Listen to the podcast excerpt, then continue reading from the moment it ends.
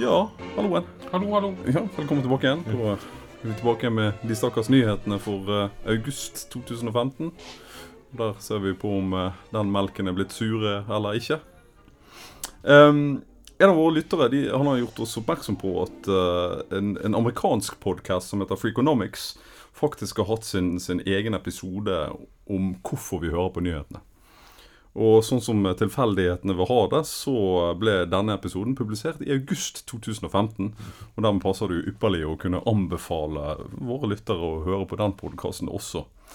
Eh, episoden heter eh, 'Why do we really follow the news?' Og De bruker en litt annen innfallsvinkel enn det vi gjør. Der vi undersøker våre kollektive hukommelser i flertall og holdbarheten til nyheter, så undersøker Freakonomics nyheter som underholdning, og hvordan nyheter forsterker våre allerede eksisterende narrativer. Og det er en ganske interessant podkast og verdt å eh, lytte til.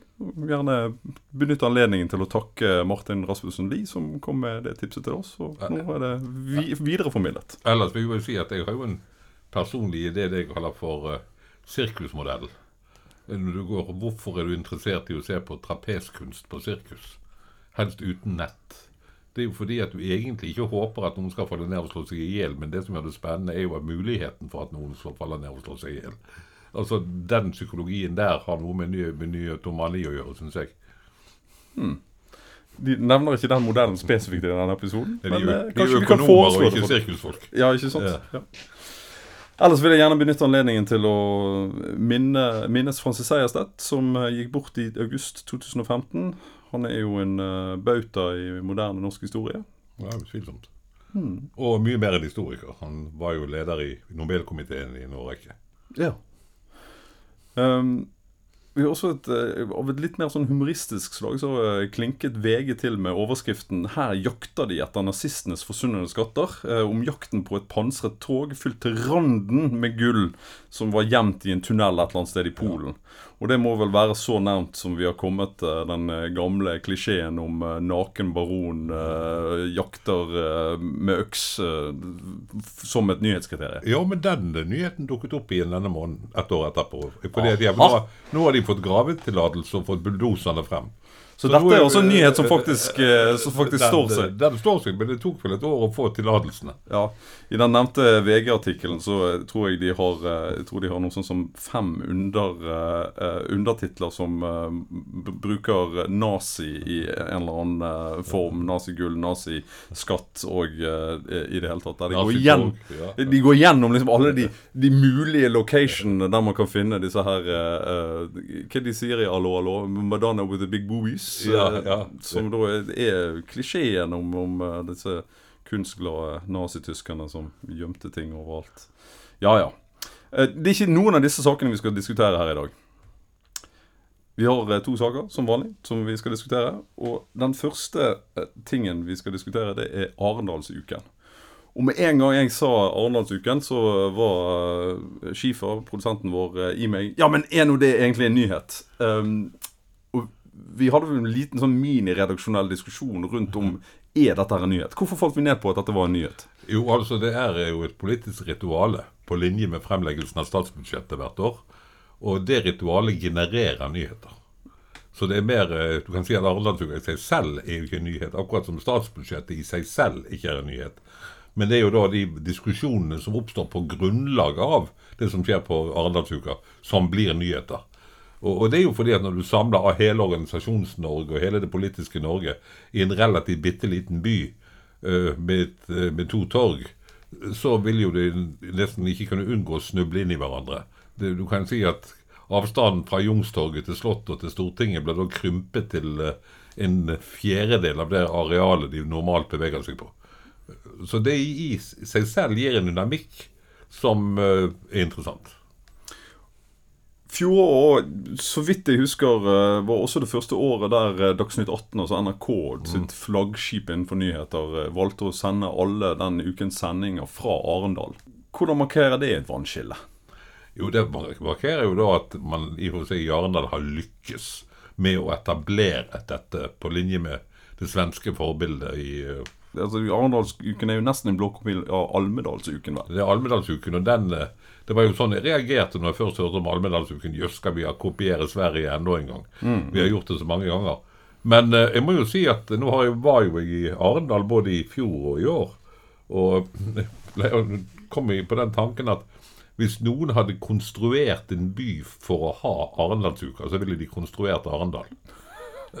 Det er nemlig slik at dette er en av disse merkelige byene som i likhet med Skien for øvrig, og har um, hatt en veldig kort storhetstid. Så de begynte å bygge et gigantisk sentrum. Så når du står foran kjerka i Arendal og ser nedover de to torgene, så har du følelsen av at du står i sentrum av en by med 100 000 innbyggere. Altså De har bygget på en måte en slags kulisse. Det er omtrent som å reise rundt på Universal Studios.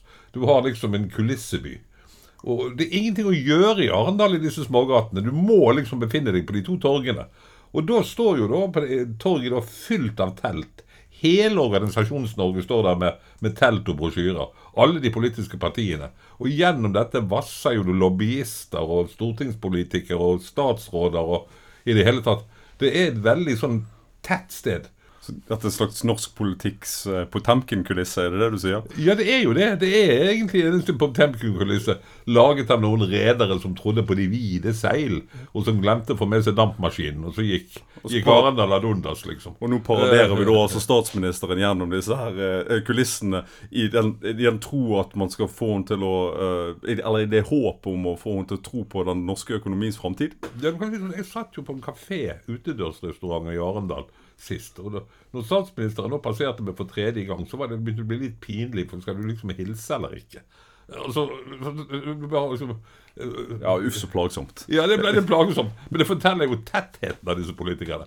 Du kan enten gå to skritt uten å møte en fremtredende norsk politiker. Er det noe poeng med dette? Ja, altså det er jo et poeng, fordi du gir uh, politikerne et sted utenfor Stortinget til å komme med utspill. Eh, du har muligheten til Det var i år, f.eks. var det noen veldig interessante debatter mellom NHO og LO som handlet om de tingene de faktisk var enige om. Eh, ikke, ikke lønnsforhandlinger, men altså den samfunnspåvirkningen som de mente De diskuterte jo da omstilling. De gjorde jo det i og for seg i fjor også. Eh, omstilling i det hele tatt den store tingen å diskutere. Men det er klart det at når man ikke skal drive maktkamp, men presentere sitt syn på en sympatisk måte overfor et velvillig innstilt publikum av sørlendinger, så, så blir tonen en annen enn den blir innenfor TV-debattene. Så på en måte kan du si at eh, du kommer inn i en slags um, dialogmodus som gjør at kanskje det oppstår ideer som ikke oppstår i en normal, konfronterende politisk situasjon. Nå skal jeg være, være ørlite grann streng med deg, for nå begynte du jo selvfølgelig å snakke mye om Arendalsuken fra i år, og det skal vi jo selvfølgelig ikke ha noe av. Vi Det var sånn i fjor òg. Ja, riktig. Ja, det var- Men det var en annen sak som var ganske spesifikk eh, for i fjor. For det var en del diskusjoner rundt eh, den overdragelsen. Altså at Øystein Djupedal gikk inn, og at man eh, fjernet, eh, fjernet seg litt fra First House. Ja, det var det. Og da blir jo spørsmålet hvorfor det? Hva hva er galt med First House?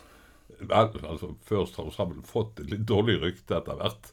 Det har jo annet i, i fjor var det jo i sammenheng med eh, diverse re, regninger som var sendt oppdragsgiver for pølser på flyplasser og sånne ting. Softis og Ja, ja, liksom, det, jeg fikk nesten følte meg som litt naiv når jeg, når jeg ikke tok regning for hotdoggen min på Flesland etter jeg hadde hørt for eh, Så det virker sånn veldig smålig, veldig, veldig sånn gnitent, som det heter på bergensk. Det var jo mange ting med First House som har gjort at de har kommet litt uheldig ut i norsk offentlighet. Så jeg har stor sans for at Arendalsuka ikke ville eh, De har altså begynt å bli partipolitisk kontroversielle. Og, og en, noen som er partipolitisk kontroversiell, egner seg ikke som arrangør. Da er det mye hyggeligere, selv om Djupedal er en gammel SV-politiker, så kommer jo til denne jobben i Arendalsuka fra fylkesmannsembetet i eh, Aust-Agder. Og, det hadde jo også sammenheng med at han hadde mistet dette embetet i fjor. at han fikk dette å gjøre. Og så har han jo som fylkesmann vært veldig ivrig å få til Arendalsuka.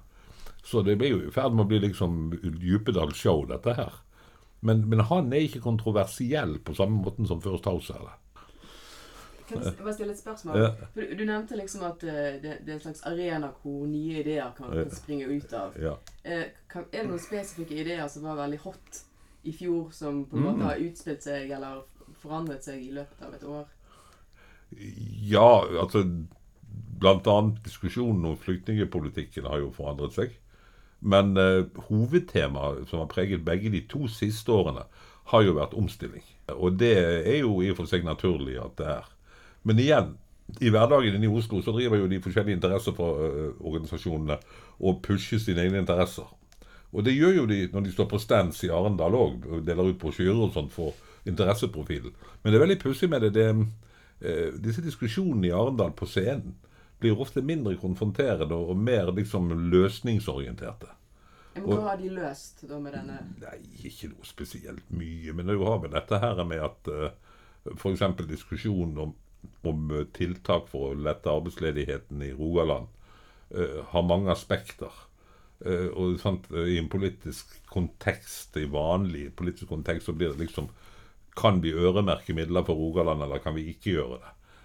Men så er det jo da spørsmål om hvordan du skal få Og liksom dette at du da har bankfolk som kommer inn og sier men himmel og hav, det er lett nok å si at du må reise til et annet sted i landet og ta deg jobb, men hva hvis huset ditt har falt i verdi, slik at du har en høyere lån på huset enn hva huset er verdt fordi at boligprisen i Stavanger stuper? Da blir du på en måte bundet til boligen din. Ikke sant? At du får, du får inn eiendomsmarkedet i diskusjonen om arbeidsledighet. Da begynner det å bli interessant. Og, og sånne, sånne ting skjer hele tiden. der. Det er for eksempel veldig nyttig at folk i Finansdepartementet får høre at, eh, at eh, eiendomsmarkedet i Norge gjør at vår arbeidskraft blir mindre geografisk fleksibel enn arbeidskraften i andre land. Og Det har jo sammenheng med at Norge er bortimot eneste land i verden som statssubsidierer det å ha gjeld på bolig. Du får penger av staten for å ha gjeld på bolig. Og Det betyr jo at, at folk plasserer pengene sine i bolig og ikke i andre objekter. Og Hvis norske oljearbeidere hadde leid istedenfor å kjøpe denne fordømte eneboligen sin i Rogaland, så hadde jo de også vært mye lettere for dem å reise til Nord-Norge for å få jobb i dag. Altså, Poenget er at noe av den manglende fleksibiliteten i det norske arbeidsmarkedet har noe med statens ansvar å gjøre. Og det at man får en oppmerksomhet på at subsidieringen av eiendom er, eh, er en grunn til at du får et lite fleksibelt arbeidsmarked, det tror jeg faktisk er noe som eh, eh, Jeg håper i hvert fall at det satt noen intelligente mennesker fra Finansdepartementet og hørte på den debatten. Du sammenlignet helt i begynnelsen her eh, Arendalsuken med, med statsbudsjettet. Altså det ritualistiske ved det. At det blir en nyhet i seg sjøl fordi at eh, det gjøres hvert år. Men statsbudsjettet har jo faktisk eh, konsekvenser i det virkelige liv. Altså For organisasjoner og for forskjellige prosjekter så er det værende væren eller ikke væren om du kommer med på statsbudsjettet. Og det kan granskes med lupe. Hva er det av konsekvens som kommer ut av Arendalsuken? Og hvorfor fortjener Arendalsuken å ha Dagsnytt 18 på besøk i en hel uke? Svaret er jo at det er mye åpenendet. Det er mye mer åpenendet, det er mye mer uforutsigbart det som skjer i Arendalsuka. I statsbudsjettet er det greit. ikke sant? Foreslår du å øke bensinavgiften, og det gjør alle regjeringer. Øker bensinavgiften ditt, så vil miljøbevegelsen være vilt begeistret, men de vil jo mene at det bør økes enda mer. Og så vil eh, Fremskrittspartiet og Norges Automobilforbund mene at det er forferdelig at vi øker bensinavgiften. Altså, Mange av de diskusjonene du får i forbindelse med at Finansdepartementet forandrer på ting som de alltid forandrer på For du vet med en gang hvem som kommer til å si hva i det øyeblikket du hører at noen har kuttet i uhjelp. Da du vet at Kristelig Folkeparti og SV kommer på banen. Sannsynlighet for at det skjer noe som kan kalles en nyhet på grunnlag av et statsbudsjett. Det er faktisk det som være en nyhet, er hvis man ikke får til å lage et statsbudsjett. Da er det nyhet. Men hadde vi først laget et statsbudsjett, så er jo det så forutsigbart hva de kommer til å si. Eh, Det er jo fordi at de da er i sin konfronterende, interesseartikulerende rolle. Mens de i mindre grad er i den rollen i Arendal. Og med det så kan vi konstatere at uh, Arendalsuken også i år var såpass interessant at du ville jukse den inn i dagens uh, sending. Vi kommer sikkert tilbake igjen til den på et eller annet tidspunkt, så ser vi om uh, årets interessante nyheter er så interessante at vi velger å ta det opp igjen om et år. Og Da skal vi høre litt på noen andre sine nyhetsritualer. Straks tilbake.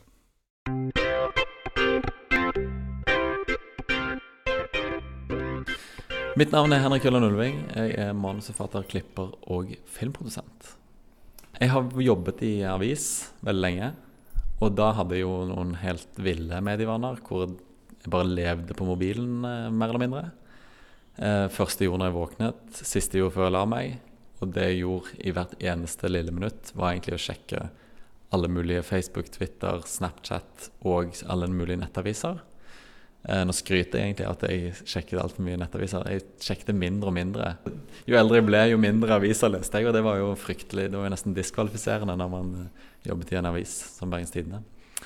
Eh, men jeg må egentlig innrømme det at jeg merket allerede når jeg jobbet i, i BT, at jeg sluttet Nettavisene ble mindre og mindre relevante, da, fordi at de sakene fra nettavisene som jeg var interessert i, de kommer opp i feeden min eller på eller annet, i en eller annen feed.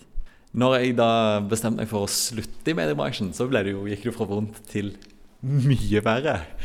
Jeg har mistet all kontakt med, med liksom Sightgeisten og liksom nyhetsbildet i stor grad. Nå er det der jeg tar inn nyheter. Det som liksom gir Som dekker meg inn, sånn at jeg har nok til å kunne overleve det jevne sånn cocktailselskap, det er Nyhetsmorgen. Som jeg slår på når jeg våkner, og har liksom gjennom hele mens jeg dusjer og spiser frokost, og til jeg går ut døren. Det er egentlig det som redder meg sånn fra å være en fryktelig dårlig samfunnsborger. Er nyheter for deg et uh, slags must for å fungere sosialt? Det var mye verre før. Før var det jo mye, i mye større grad et sånn must for å fungere sosialt. Nå merker jeg jo at det jeg prøver å rydde tid til, er å få lest bøker, f.eks. Fun fact. Eh, eventuelt en trist fact. Jeg gikk til hypnose for å bli kvitt eh, Facebook-avhengighet når jeg skrev eh, masteroppgave. Fordi at jeg klarte ikke Det er en veldig lang tanke du skal tenke, en masteroppgave.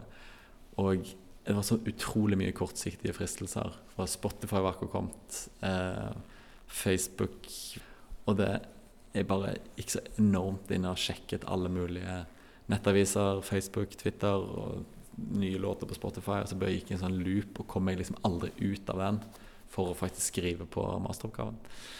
Så det holdt jo på å ende med katastrofe. Så da måtte jeg gå til uh, hypnotisør for å bli kvitt kvitt avhengigheten. Og det funket, det, funket, det funket, veldig bra. Det funket, Og det har jeg egentlig brukt veldig mye siden. Det der med å Altså, jeg har jo mye mer glede av å lese tre sider i en roman hvis det i løpet av et år betyr at jeg leser ti romaner. Hvis jeg da hver dag klarer å lese tre sider i en roman, så gjør det meg mye lykkeligere enn at jeg på død og liv skal få med meg absolutt alt som skjer hele tiden. Så det er egentlig hele mitt, sånn, mitt livssyn og prosjekt er å få egentlig ryddet vekk alle sånne små distraksjoner som nyheter i veldig stor grad var for meg. I din levetid, eller hva I din levetid, hva anser du som den mest skjellsettende nyhetsopplevelsen du noensinne har hatt? Det For min del var det jo helt klart 22. juli, for da var jeg på jobb i Aftenposten. Og satt på jeg jobbet i økonomi som økonomijournalist. Og dette, når det smalt i regjeringskvartalet først, så har jeg kommet fra BA, og Aftenposten er litt sånn sklerotisk og treg avis. Så bare gut-feeling var bare å løpe ut. For jeg skjønte at et eller annet hadde skjedd når det smalt. Det smalt jo, Vi holdt i Postgirobygget. Så vi skjønte jo at det var noe drastisk. Vi bare løp opp og begynte å ta bilder og sende inn igjen. Eh, og så fikk vi liksom eh, kontroll på den første nyhetshendelsen. Så da satt liksom økonomiavdelingen bare satt og ventet på at eh, i tilfelle skulle være hjelp med bruk for oss. Og da hører vi sånn det spraker politiradioen at det er 50 drept på Utøya, sier de sånn, første meldingene, absolutt første meldingene. Eh, som viste seg jo etter mange timer å være de mest presise, omtrent. Eh, de, eh, de, absolutt første meldingene var sånn da, Og da var jo alle andre på huset var jo opptatt med eh, sprenger regjeringskvartalet. Så da ble vi, jeg var første team fra Aftenposten, ble sendt i den retningen i tilfelle det skulle vise seg å være noe i disse ryktene. Eh, og da var, så var det jo på jobb i to uker i strekk omtrent etter det. Så sånn, men det var jo en veldig sånn deltakende, en deltakende nyhetsopplevelse. Vil du ha en vanlig nyhetsopplevelse òg, hvor jeg ikke var en del? Ja, takk. Eh, jeg kan huske Jeg husker Lillehammer òg veldig godt. da jeg gikk på barneskolen, da fikk jeg lov Jeg var den eneste som hadde sånn mini-TV som jeg hadde på, på barnerommet. Da kjørte jeg ned bak på en sykkel, så vi kunne få lov til å se på sånn kulekjøring og sånn i, med Stine Lise Hattestad eh, i, i midttimen og sånne ting. Det husker jeg var en veldig sånn der Det var den første sånn der virkelig sånn fellesopplevelsen. Det, det var liksom hele Norge fulgte med. Det husker jeg veldig godt, den uh, opplevelsen her.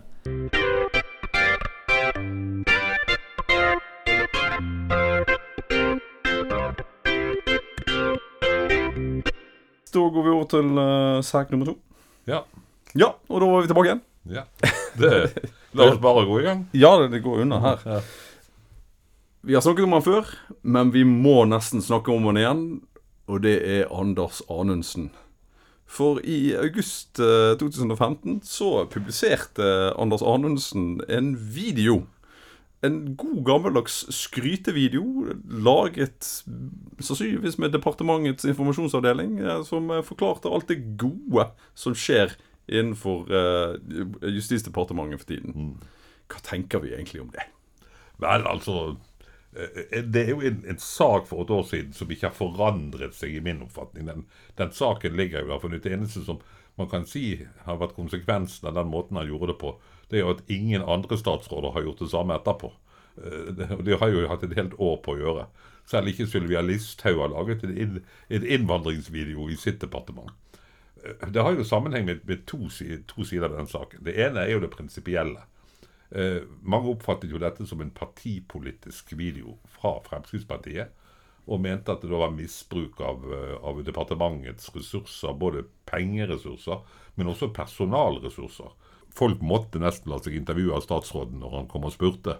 Eh, slik at både de personellmessige og de pengemessige at dette burde vært finansiert av Fremskrittspartiet hvis Fremskrittspartiet ønsket å lage en reklamevideo for sin politikk innenfor justisområdet. Hvorfor er det problematisk? Jo, det er jo fordi at eh, du skal skille mellom det å lage reklamefilm for et politisk parti, og det å lage informasjon fra departementet. Du kan si i prinsippet er jo departementsansatte statsrådens tjenere og skal følge den politikken som statsråden følger. Men det er likevel slik at eh, det er en forskjell på at uh, departementet skal ta utgangspunkt f.eks. i de lovene og reglene som gjelder i samfunnet. De skal ikke ta hensyn til de visjoner om andre regler som den politiske avdelingen rundt statsråden har. En byråkrat kan bare uttale seg om hva som er lovens anvendelse, og ikke an om hvilke planer statsråden har. Det må politikeren selv gjøre. Så problemet prinsipielt her er ikke nødvendigvis at man lager en skrytevideo, men det faktum at det er en partipolitisk sjef som setter sine ansatte i en situasjon der de ikke kan være noe annet enn enig i det han sier. Ja, hvis du spør noe sånt som at Ville ikke du være glad hvis du fikk flere politifolk i ditt politidistrikt? Da uttrykker han seg om en, en fremtidsmulighet som forutsetter en votering i Stortinget. Og det er jo da Fremskrittspartiets politikk at de skal få flere, men det er ikke nødvendigvis slik at det er flertall i Stortinget for det. Og Departementet må bare forholde seg til det antallet politifolk som faktisk er i gatene. Eh, Så der er det en forskjell. Men de skal jo selvfølgelig ikke være illojale mot statsråden og si andre Gå ut og dementere ting som statsråden sier. og sånne ting. Det vil man aldri gjøre. Men her er det jo snakk om eh, Men det var jo bare den ene, den prinsipielle saken. Den andre saken var jo selve innholdet. Det var jo pinlige greier, altså. Ja, du har vel en mening om musikken, men jeg også tenkte på kroppsspråket. Kroppsspråket var jo sånn at du skulle tro det var Monty Python som sto bak til dels. Altså det var så til de grader. Både intervjueren at han selv var programleder, på en måte. Og det var han jo ikke. Han er sikkert grei nok justisminister, men programleder er han ikke. Og så dette merkelige tvungne kroppsspråket og ansiktsspråket til noen av intervjuobjektene. Det var omtrent liksom som om skal vi si eh, nestkommanderende på en rekruttskole kommer rundt på brakka og spør guttene har noe imot å filme som hvor kjekt vi har det på rekruttskolen. Eh, da blir det liksom, eh, hvis du skjønner, eh, veldig vanskelig å si at vi har det jævlig. I frykt for at du da skal få kakebu eller parade. Sånt. Rent journalistisk så er det også interessant, syns jeg. Kanskje aller tydeligst når han intervjuer politisjefen eller politimesteren i, i Oslo, da de snakker om eh, eh, hva de kaller det, restans. Altså disse her sakene som eh, ligger og venter. Og der da eh, politimesteren er, er, er veldig fornøyd med at de har fått ned antallet restanssaker. Men så kommer det liksom i en bisetning etterpå der han da sier eh, Ja, for det har jo vært et veldig fokus på dette her eh, fra departementet sin side. Eh, og da virker det jo litt forsert at eh, det er akkurat det temaet som kommer opp. Det er mange sånne situasjoner. Rent filmatisk var jo det tydeligvis laget av folk som hadde holdt i et kamera før. Og lyden var bra, så det var tydeligvis profesjonelle lydfolk som sto bak òg. Men det, var, det, det forteller jo da at det er selvfølgelig viktig med gode folk bak kamera og bak mikrofonen. Men det forteller jo også at de foran kamera må være i stand til å gjøre en troverdig jobb. En del av Frp sitt eh, etos, eller sitt dreiebok, er det vanlig å si Ja, ja. godt norsk, eh, er jo nettopp å komme med, med medie, kritikken av medier som kritiserer Frp. Mm. Og her kan man jo på mange måter si at uh, den liberale media gjorde akkurat det som Frp forventet når de kom ut med denne saken. Jo, det ble jo et ganske unisont hylekor rundt hvor forferdelig denne videoen var. Ja. Men én ting som ikke ble spurt i media, og som jeg syns er interessant med denne nyheten her, det er jo rett og slett spørsmålet men har Anundsen faktisk et poeng her? Er nyhetsmediene for dårlige til å trekke fram de gode tingene i forvaltningen, og skaper et sånt ensidig negativt fokus en surere og mindre takknemlig befolkning i det som tross alt er kåret til verdens beste land å bo i, opptil flere år på rad? Eh, jeg tror jo at uh, faktisk uh, Fremskrittspartiet og Anundsen har rett i den saken. Uh, langt på vei. Det er faktisk slik at det ligger i nyhetens natur at det som er det vanlige og det fornuftige, ikke er en nyhet. Det er den gamle klassikeren, ikke sant, at hund biter mann er ingen nyhet, men mann biter hund, det er en nyhet. Det betyr jo da at f.eks. innenfor et område som barnevernet, så blir alle de sakene der barn blir reddet fra ruset og voldelige foreldre, de blir ikke kommentert, men de der barne- barnevernet har gjort en feil, de blir kommentert. Og det gir jo et inntrykk av barnevernet som kan bringe barnevernsfolkene til fortvilelse. Så er det jo det som skiller Fremskrittspartiet, er ikke det at man i posisjon fortviler over at alt det gode man gjør, ikke blir gjengitt i nyhetene. Det har nok partier for alle regjeringer, så lenge massemediene har vært klaget over, så lenge nyhetene fantes. Jeg er sikker på at Gerhardsen gremmet seg over at det ikke var nok reportasjer om hvor lykkelige folk var når de gjorde dugnad i borettslagene. ikke sant? Eller at Kristelig Folkeparti var med, Bondevik var misfornøyd med at det ikke ble gjengitt at han gikk på kirken hver søndag. Eller at den parisiske befolkningen ikke så hvor vakre boulevardene Hausmann eh, Boulevardene var og ga Ja. uttrykk for sin begeistring, men istedenfor gikk i demonstrasjonstog og laget bråk i gatene. Æsj. Altså, altså, så det er klart, alle det er ikke spesielt at man i regjeringsposisjon er Det som er litt spesielt for Fremskrittspartiet, er jo at de har jo ment dette når de også var i opposisjon. I en situasjon der de nettopp benyttet nyhetene. Carl I. Hagen kom med Trump-lignende utspill til stadighet som han visste var på kanten, og han visste at når de var på kanten, så ville alle nyhetsjournalister skrive om det. Så han durte i vei med oppsiktsvekkende utspill, og eh, til og med på tvers. En gang så sa han at nei, Fremskrittspartiet går ikke inn for å senke skatten i neste, neste stortingsperiode. Da ble jo det nyhet av det, for alle regnet jo med at han ville si det motsatte. Det hadde han ikke klarert med sitt eget sentralstyre, så da fikk han jo bråk. Og det å klage over at Fremskrittspartiet ikke ble dekket nok Ja, du kan jo klage over at de ikke ble dekket positivt nok. Men hvis, eh, hvis nyhetene hadde bestått i at du dekket positive ting, så ville jo de, alle de andre politikerne fått like stor oppmerksomhet for, for Carl som Carl I. Hagen. Så da er vi tilbake til den tiden der man omtalte intervjuobjektet med de og dem. ikke sant? Man sier 'de, herr statsminister, hvordan har de det i dag?' ikke sant? Har de vært på ski nå i, Nord, i, i Nordmarka? Ja. Og det været var fint? Ja, været var fint. Eh, Altså, det blir liksom på en måte eh, La, la meg reformulere spørsmålet. La oss skjele til en nyhet fra i går, ja. altså 30. august eh, 2016. Ja. Uh, det er jo forferdelig. ja. Da kom det jo en sak om at Kåre Willoch, eh, som også har bidratt til dette programmet, eh, var kommet tilbake igjen fra sykehus og hatt en vellykket kreftbehandling. ja. Du har jo i og for seg også vært ute i lokale medier her og snakket om, positivt om, eh, om sykehusene i Bergensregionen. ja. Finnes det noen mekanisme som kan gjøre den typen reportasjer mer systematisk? Eller er vi da over i rene kommentartyper, og at det aldri kan bli nyheter på samme måte som når menn biter hunder? Det er mulig du kunne få dette til. Altså, det er ett fagområde som har fått dette til. Og det er jo eh, økonominyheter. Der er det slik at du har en masse indekser som går opp. Og, og da blir det gjengitt om arbeidsledigheten går ned, eller om arbeidsledigheten går opp. Om konjunkturene går opp, eller konjunkturene går ned. Altså Der har du en jevn strøm med både gode og dårlige nyheter når det gjelder å ta pulsen på det økonomiske liv. Men du kan jo si at uh, legene på sykehusene kunne jo bare drømme om at du hadde en sånn helseindikator. Konsumprisindeksen er et veldig godt eksempel på noe som i grunnen er veldig kunstig. Det er jo egentlig bare en handlekurve av den typen som VG har.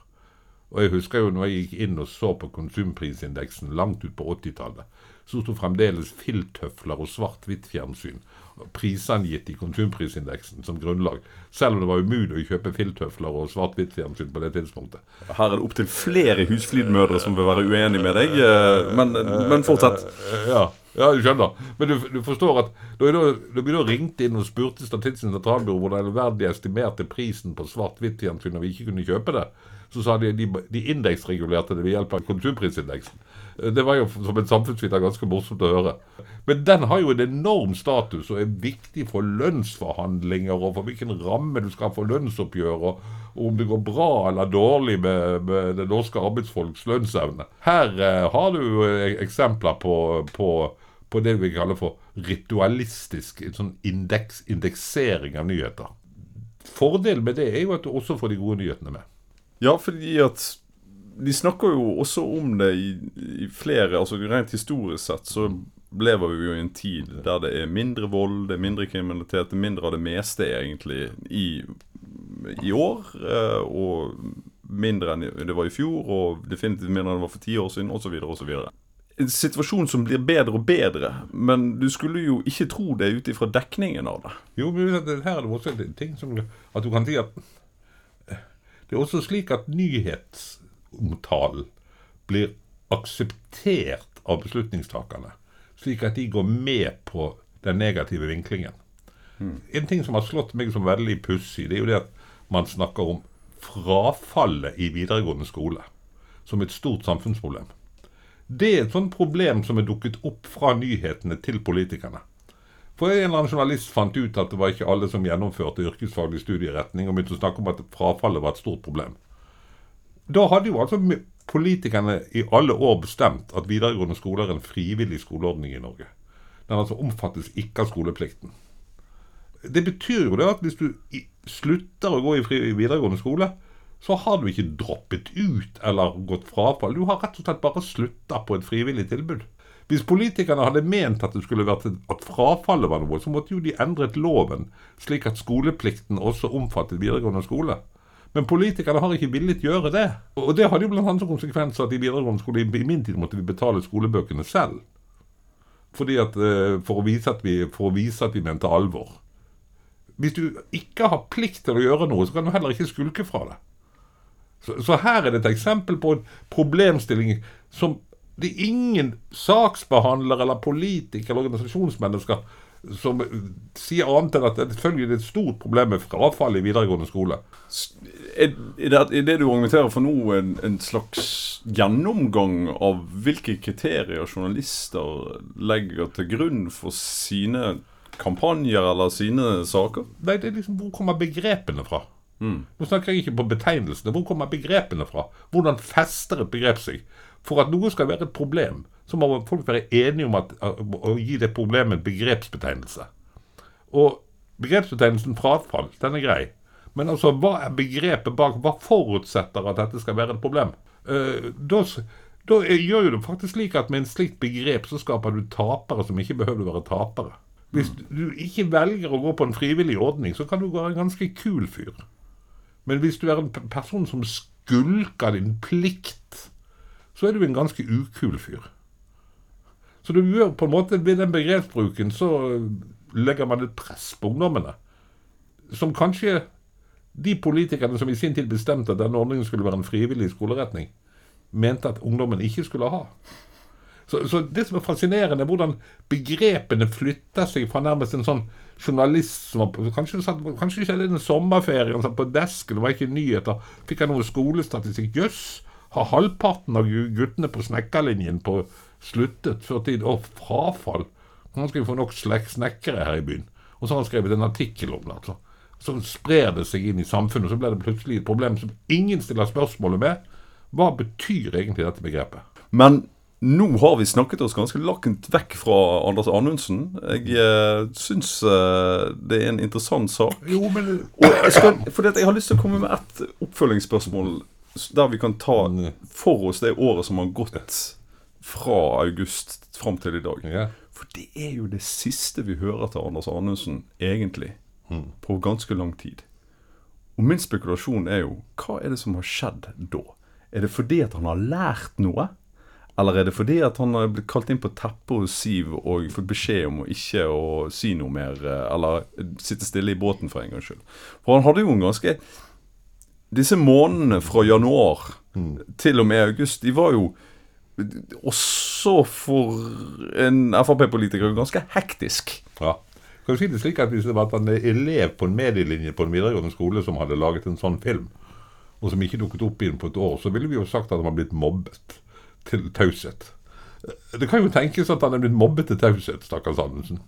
Av, av mediene og av alle oss andre som syntes dette var så festlig. Han, han fikk i hvert fall ikke strålende kritikk på premieren. Han vant ble- ingen priser i Cannes for den filmen. Og heller ikke Amanda. Nei. Eh, sånn at, men det er jo kanskje også litt urettferdig, for det, det ligger jo et eller annet med dette Justisdepartementet som har disse voldsomme konkrete løftene om politifolk og løse saker og redusere antallet flyktninger, og den gangen de hadde ansvaret for det. Det er ikke måte på mange konkrete saker. og Når det, disse her, er- det kommer problematiske enkeltsaker, så kan du si at hvis du ikke er politiker i A-klassen i Norge, og du likevel vil, vil komme mye i fjernsynet og i nyhetene, så skal du være statssekretær i Justisdepartementet. Og dette var vel det du i en tidligere episode kalte for uh, statsrådssyken i Justisdepartementet? Det er det. Ja. Og jeg tror det kan være et uttrykk for det. Det er veldig mange vanskelige saker nå for tiden i, i departementet. Liksom, vi har vel sett, for å bryte mønsteret litt, om utrangerte biler i, i Nordland fylke og alt mulig rart. Eh, Masse som skjer i politiet.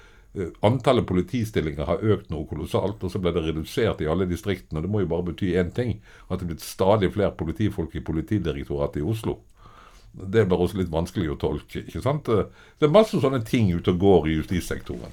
Og så er det masse tussete jurister ute i domssystemet som fatter merkelige dommer som de ikke har lov til å kommentere, men likevel eh, på tvers av alt som er fornuftig rettsoppfatning i Norge. Og det er så mye rart i den sektoren. Og da er det kjekt å ha noen politiske rådgivere. Og, og nå har jeg lagt merke til i den senere tid, så er det jo faktisk politiske rådgivere fra departementet som har vært sendt i media. Så kanskje til og med statssekretærer nå er blitt utbrent. De har jo en analyse innenfor eh, vårt fagfelt som eh, sier at det finnes to typer eh, statsråder. Og det er en statsråd som eh, bestemmer over departementet, og en eh, statsråd som blir bestemt over eh, av departementet. Ja, Har Anundsen beveget seg fra den ene kategorien til den andre i løpet av de, første åtte månedene her? Du, Der har jeg ofte blitt overrasket i ettertid, når jeg har hørt slikt om statsråder, at den og den var en sånn type som styrte departementet, og den og den var en sånn type som ble styrt av departementet. Jeg har ofte trodd at de udyktige statsrådene var de som ble styrt av departementet, og de dyktige statsrådene var de som selv styrte departementet. Men det stemmer ikke alltid. Så dette er ting som vi må nesten gå til memoarlitteraturen. Og det betyr enda eldre nyheter enn det vi kommenterer. Hvor, hvor gamle nyheter da? Hvor langt må vi tilbake igjen? 1860-årene var sist jeg leste eh, memoarlitteratur. Riktig. Da, men da er vi jo over i historiefag, og ikke nødvendigvis nyhetsfaget. Det er helt riktig. Ja. Med det skal vi avslutte dette segmentet. Vi har jo som vanlig med oss eh, en person til som eh, skal få lov til å, å si litt om sine medievaner, så da setter vi over til det.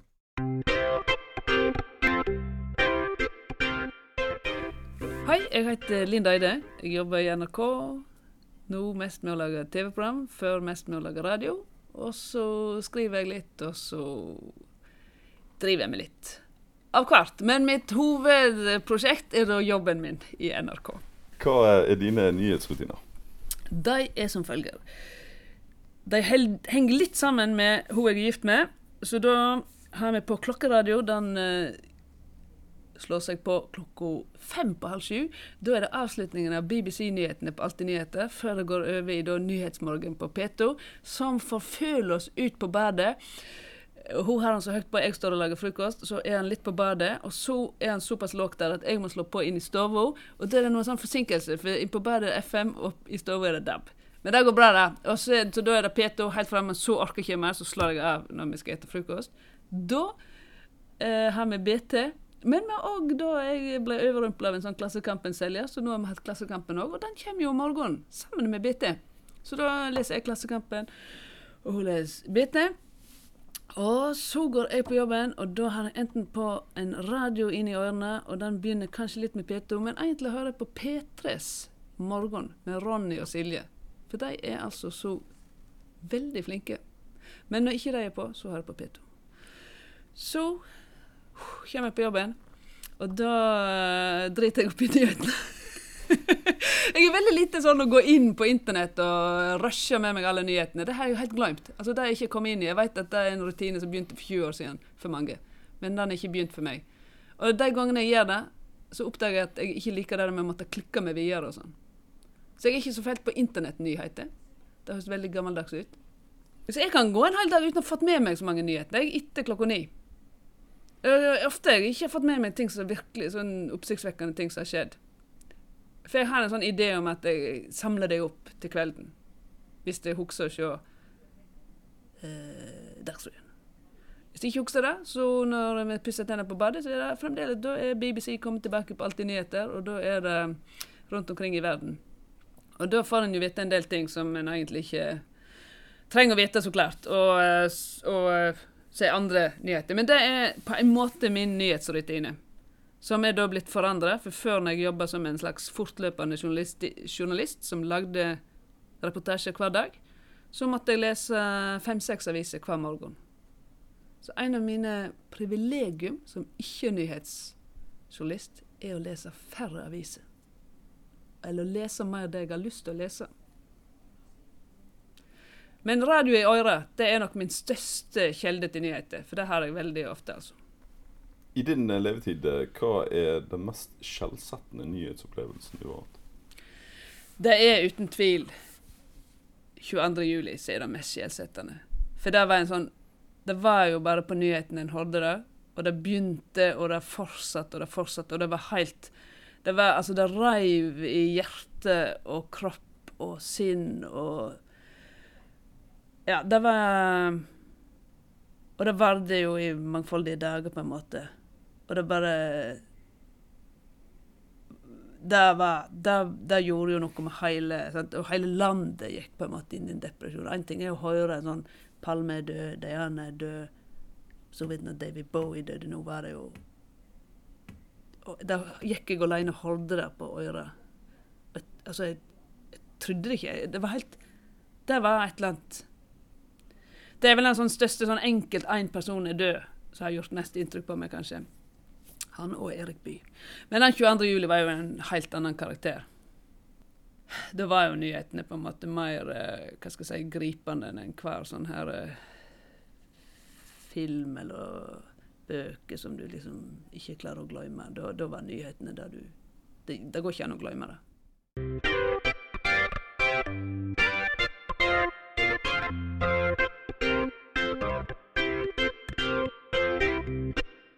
Da er vi tilbake igjen, og vi skal jo avslutte for i dag. Og eh, neste gang så skal vi se på september 2015. Og i dag har jeg tenkt å gjøre en liten vri. Som jeg ikke har forberedt deg på. Fordi at før vi skal inn i materien som heter september 2015, så er jo det faktisk ganske interessant både for oss og forhåpentligvis for lytterne våre. Hva husker du av toppnyhetene fra september 2015 nå, uten å ha forberedt deg? Og så kan vi se på fasiten til neste gang, eh, rett og slett. Det er, endringen av holdningen til flyktningene er helt utvilsomt. Barnelik i Tyrkia. Eh, Helt opplagt. Ikonisk bilde. På linje med den nakne jenta som flykta fra napalmbomben i Vietnam. De to bildene kommer til å bli sidestilt i nyere historie. Eh, Det, men samtidig altså alt det andre som skjedde omkring den saken. Eh, den har alt. eh, Følelsesmessig engasjement. Det er et virkelig problem Det fins vinklinger på dette, det fins avskyelige reaksjoner, det fins meget menneskelige reaksjoner. I den saken så er du mennesket på sitt beste og mennesket på sitt verste. Eh, og det er, det er nok den septembermåneden det er utvilsomt den viktigste saken. Ja, altså Med et så omfattende gjett, så er vi jo nesten nødt til å ta opp den saken neste, neste gang. Men det jeg tror ikke du er så langt unna der. Jeg ville kanskje sagt at valget, kanskje? ja. Er vel en naturlig kandidat? Kommunevalget, ja. Kommunevalget? Eller at det regner i Bergen, eller noe sånt. Ja, At det regner i Bergen er vel knappest talt en nyhet. Det siste vi skal gjøre før vi sier takk for i dag, det er at vi skal åpne Pandoras boks. For uh, den uh, nevnte episoden av Freakonomics, uh, den eh, som vi snakket om i begynnelsen av denne episoden her, de bruker nemlig en analyse om at nyheter bekrefter de narrativene man allerede har. Som da blir en slags gjensidig forsterkende effekt. Du klikker deg inn på nyheter som du tenker du har interesse av, og så får du mer eh, bensin på bålet. Og dermed så er jo det eneste metodisk forsvarlige vi kan gjøre, det er jo å utfordre våre narrativer. For vi har jo de nyhetene vi er interessert i. Og um, åpne opp for kommentarer fra folk som lytter til oss. Ja. For der kan vi jo få narrativer som vi ikke har tenkt på. Ja. Så med det er det egentlig en oppfordring eh, til å eh, slenge igjen noen eh, kommentarer, enten på liksom, Soundcloud-siden vår eller på Facebook-siden vår. eh, om Er det en nyhet fra september 2015 du har lyst til at vi skal diskutere? Forhåpentligvis eh, kommer det noen interessante eh, forslag. Og så kan vi ta, ta videre og se litt eh, videre på de. Jeg kaller det selvfølgelig Pandoras boks fordi at vi har ingen anelse hva vi får ut av en sånn oppfordring. Du tenker ikke på nyheter av typen 'Vi har nettopp fått verdens skjønneste jente for et år siden', eller at uh, Ja, altså, jeg hvis det faktisk-. Hvis det faktisk er verdens skjønneste jente de har fått, så er det jo virkelig en nyhet. Det vil jo alle mene. Og, da, og deri ligger jo også det subjektive. Ja. Ja. Nei, men eh, Og med de eh, filosofiske og kloke betraktningene så takker vi for i dag. Takk skal du ha.